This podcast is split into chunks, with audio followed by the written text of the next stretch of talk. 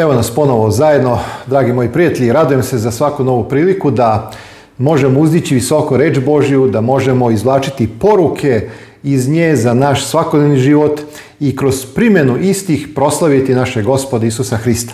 Pre nego što uđemo u sam tekst kojeg sam pripremio za nas danas, samo jedan kratak osvrt na ove teške i nemile događaje koji su zadesili Hrvatsku uh, prošlih dana. Naime, svi vi koji pratite medije, čitate vesti, znate da je Hrvatsku zadesilo nekoliko razornih zemljotresa i koliko sam razumeo, mesto Petrinja je zaista teško prošlo, ima mnogo ruševina.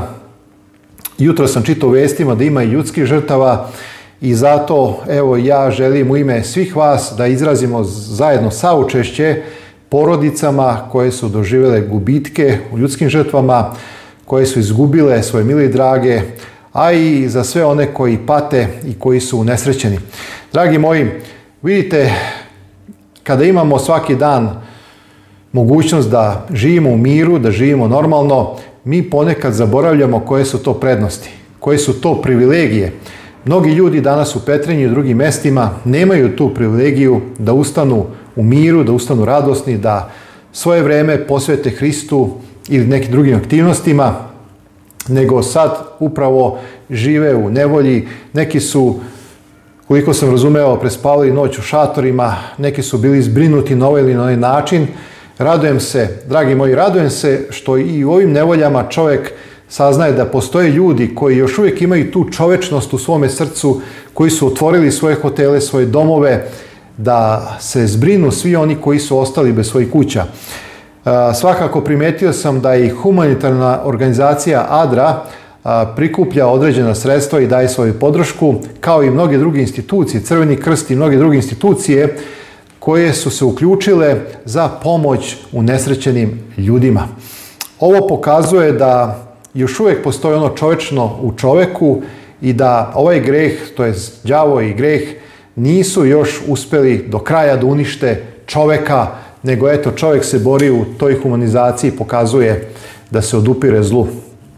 Dragi moji, zaista ne znam šta da kažem. Žao mi je kada pomislim koliko nevolja i nedaće ima po celome svetu, a evo i ovo što posmatram u Hrvatskoj, pokazuje da je ovaj svet u kojem mi živimo surov, nemilosrdan i da je naša sigurnost jedino u Hristu.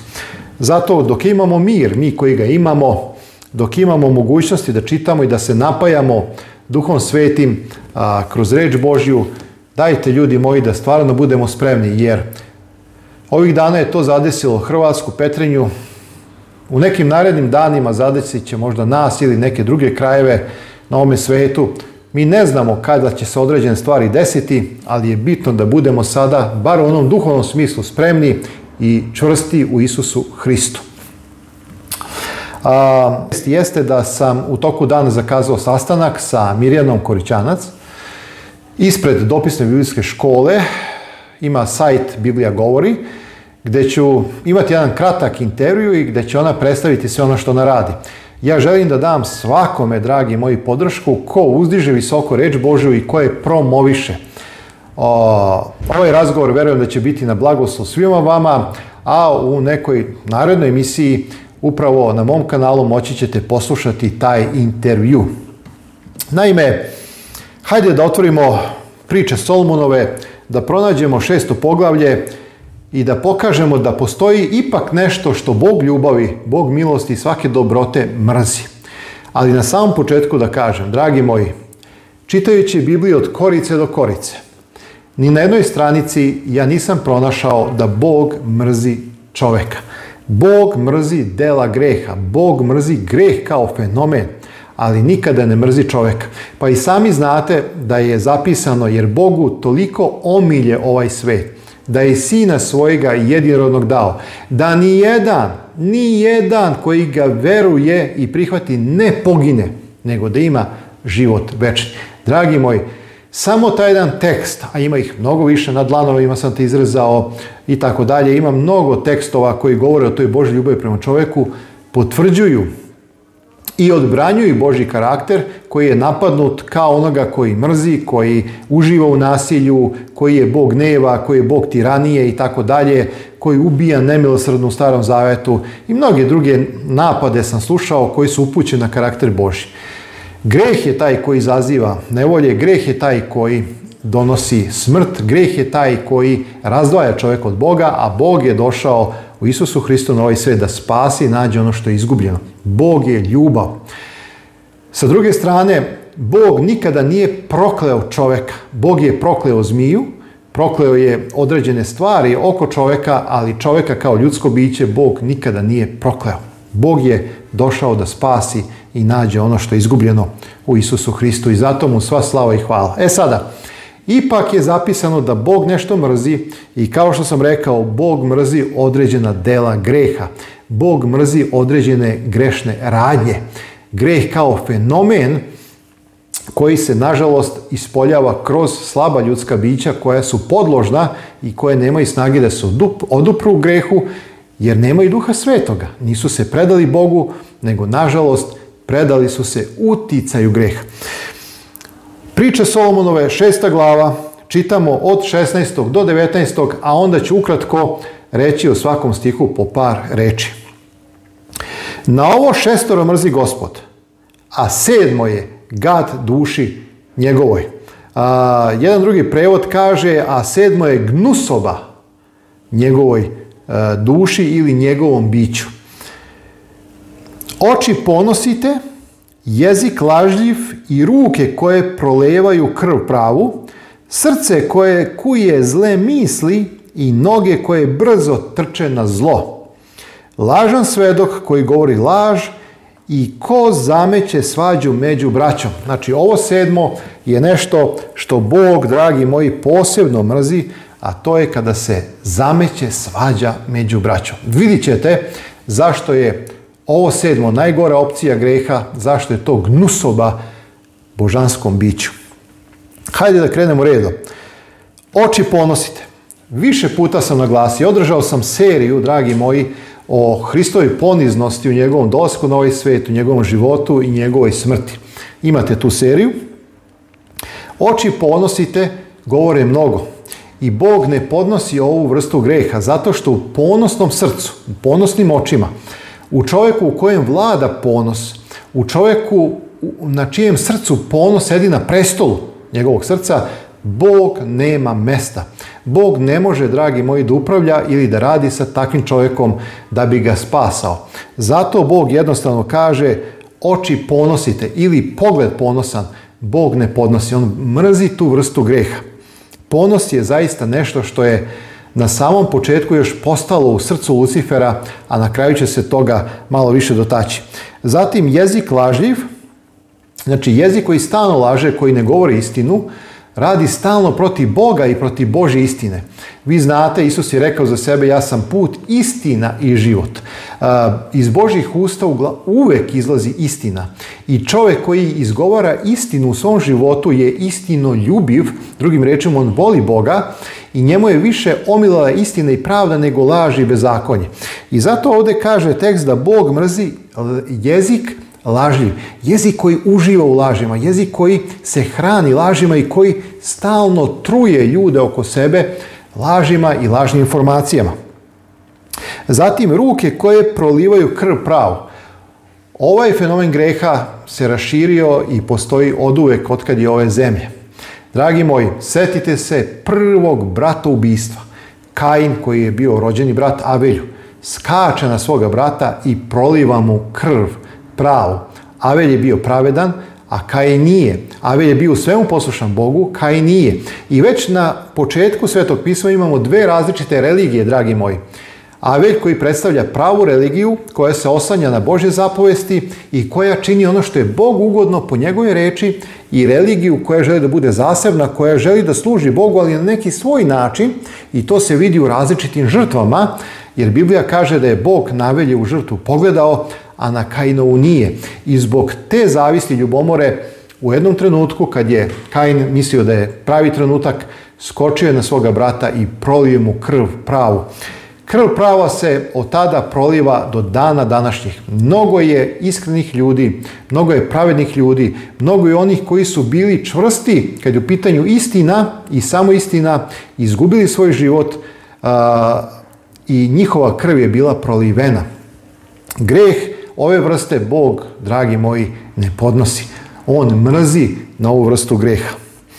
Srce koje koje zle misli. Pazite, ovdje se ne radi o grehu nahoti, e, koji je učinjen nahotici ili slučajno ili u afektu. Znači, ono, čovjek se razbesneo, uradio nešto, a poslije se hvata za glavu i kaže, jao, šta ja učini, pa nisam trebao da uradim to ili to. I onda mu je žao i kaje se. Ne može da se povrate neke stvari, ali čovjek nije to želeo nego se desilo u slabosti njegovog trenutka kada ga je greh savladao. Međutim, ovdje kaže tekst srce koje kuje.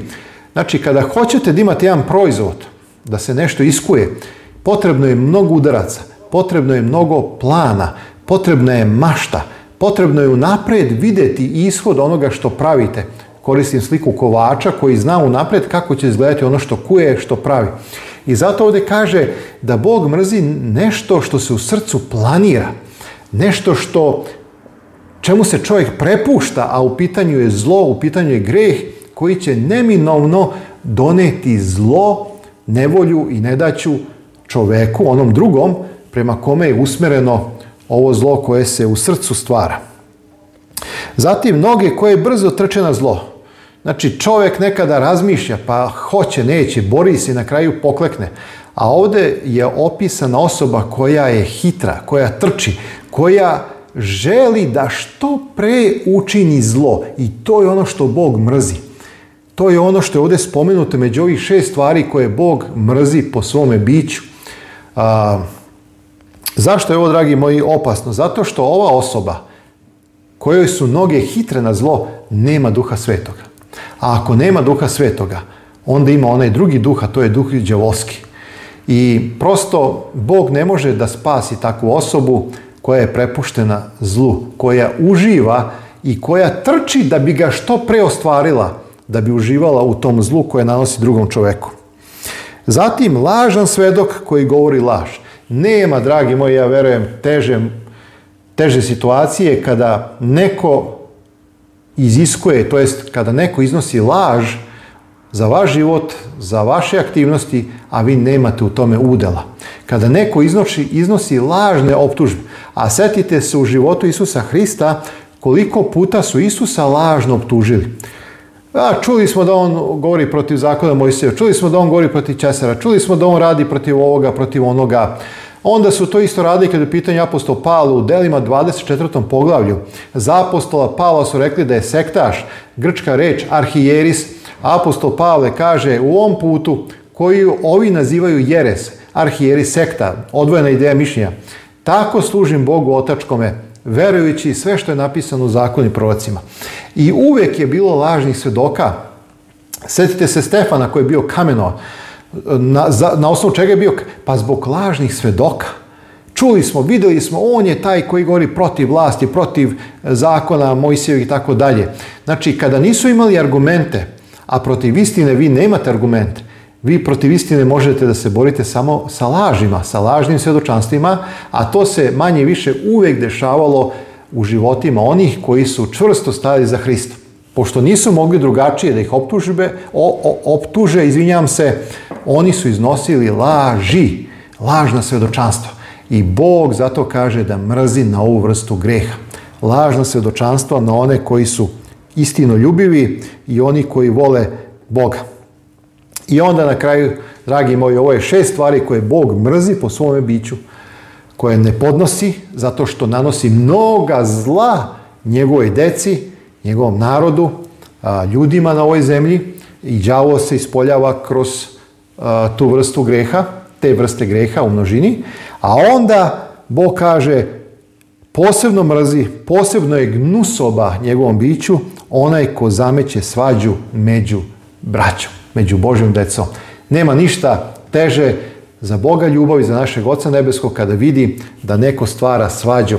Sa druge strane, Bog kaže, blago onima koji mir grade, jer će se sinovi Boži nazvati, a ovdje imamo drugu krajnost, postoje ljudi koji ne grade mir, nego kojima je u interesu da se stvori svađa, da se braća svađaju i da dođe do mržnje. Inače, ovo je prvobitni greh koji je đavo vešto koristio i na taj način zavadio anđele protiv Boga i uspeo da prevari jednu trećinu anđela koji će također uskoro biti uništeni večnim ognjem kada se pojavi naš gospod Isus Hristos i kada učini svemu kraj. Znači šest stvari Bog mrzi, a sedmi je poseban gad duši njegove, gnusoba njegovom biću, onaj koji zameće svađu. Jako bitne stvari za razmišljanje, dragi moji. Da li smo mi ti koji možemo upasti u ovu vrstu greha? Ja ne bi to želio nikome da se desi, ali da preispitamo naše živote. Evo, nalazimo se na kraju još jedne godine, hajde da napravimo inventar našeg života, da saberemo i oduzmemo sve i da vidimo gdje smo, da li smo ispod crte ili smo iznad crte. Znate, sve ozbiljne firme, radnje, rade godišnji inventar da vide da li su u plusu ili minusu, da li dobijaju ili gube. Hajde da vidimo šta se dešava sa našim životom. Da li smo mi u plusu, u smislu pozitivno, da idemo ka Hristu, da napredujemo, ili smo otišli u minus, da smo možda postali još gori nego što smo bili pre par mjeseci ili pre više godina. Zato, dragi moji, evo, to je ono što sam želio da podelim sa vama. Razmišljam o ovim tekstima. Preispit, preispitujemo sebe, da vidimo da li u, jedno, u, istom trenutku mi podižemo ruke i slavimo Boga, i pevamo mu pesme, i molimo mu se, dok u isto vrijeme činimo stvari koje Bog mrzi. A posebno, ne daj Bože, ono sedmo što je gad duši njegove. Zato hajde da budemo mirotvorci, hajde da se suobličavamo liku Hristovom, hajde da širimo mir među ljudima, hajde da pozivamo ljude Hristu i hajde da zaista budemo oslobođeni svih ovih, ne daj Bože, greha ako ih ima u nama, jedino možemo biti oslobođeni silom Duha Svetoga. Neka se Duh Sveti useli u sve nas da nam donese Hristovu prisutnost da bi zaista mogli da činimo dela Božja. Svakom dobro želim, neko vam ove reči budu na blagoslov, da prispitamo svoj život, prvenstveno zato sam i snimio ovu emisiju, da prispitamo sebe, da vidimo da li ovo što smo čitali na neki način možda provejava našim životom, ako provejava, da se ponizimo, da kleknemo i da tražimo od Boga da nas oslobodi. Ja bi to upravo na kraju emisije učinio, pozvao bih sve vas koji gledate da pognete glave, a ja bi se pomolio Bogu za sve nas. Oče naš nebeski, hvala ti za život, hvala ti za zdravlje i hvala ti za mir koji imamo. Još jednom se sećamo ljudi koji su pogođeni ovim teškim zemljotresima, koji pate, koji su u žalosti, koji su izgubili svoje mili i drage, da ih uteši svojim duhom i da pomogneš, dragi gospode, da imaju nadu, da će jednoga dana kada dođeš u slavi svojoj i kada bude vaskrsenje pravednih vidjeti svoje mile i drage. Zato je bitno da imamo veru u tebe, zato je bitno da imamo tebe, jer ti si rekao ko ima sina ima život, ko nema sina nema života. Dragi gospode, hvala ti za mnoge ljude koji su izašli na ulice da pomažu u nesrećenima i da daju podršku e, kako ko može i po svojim mogućnostima.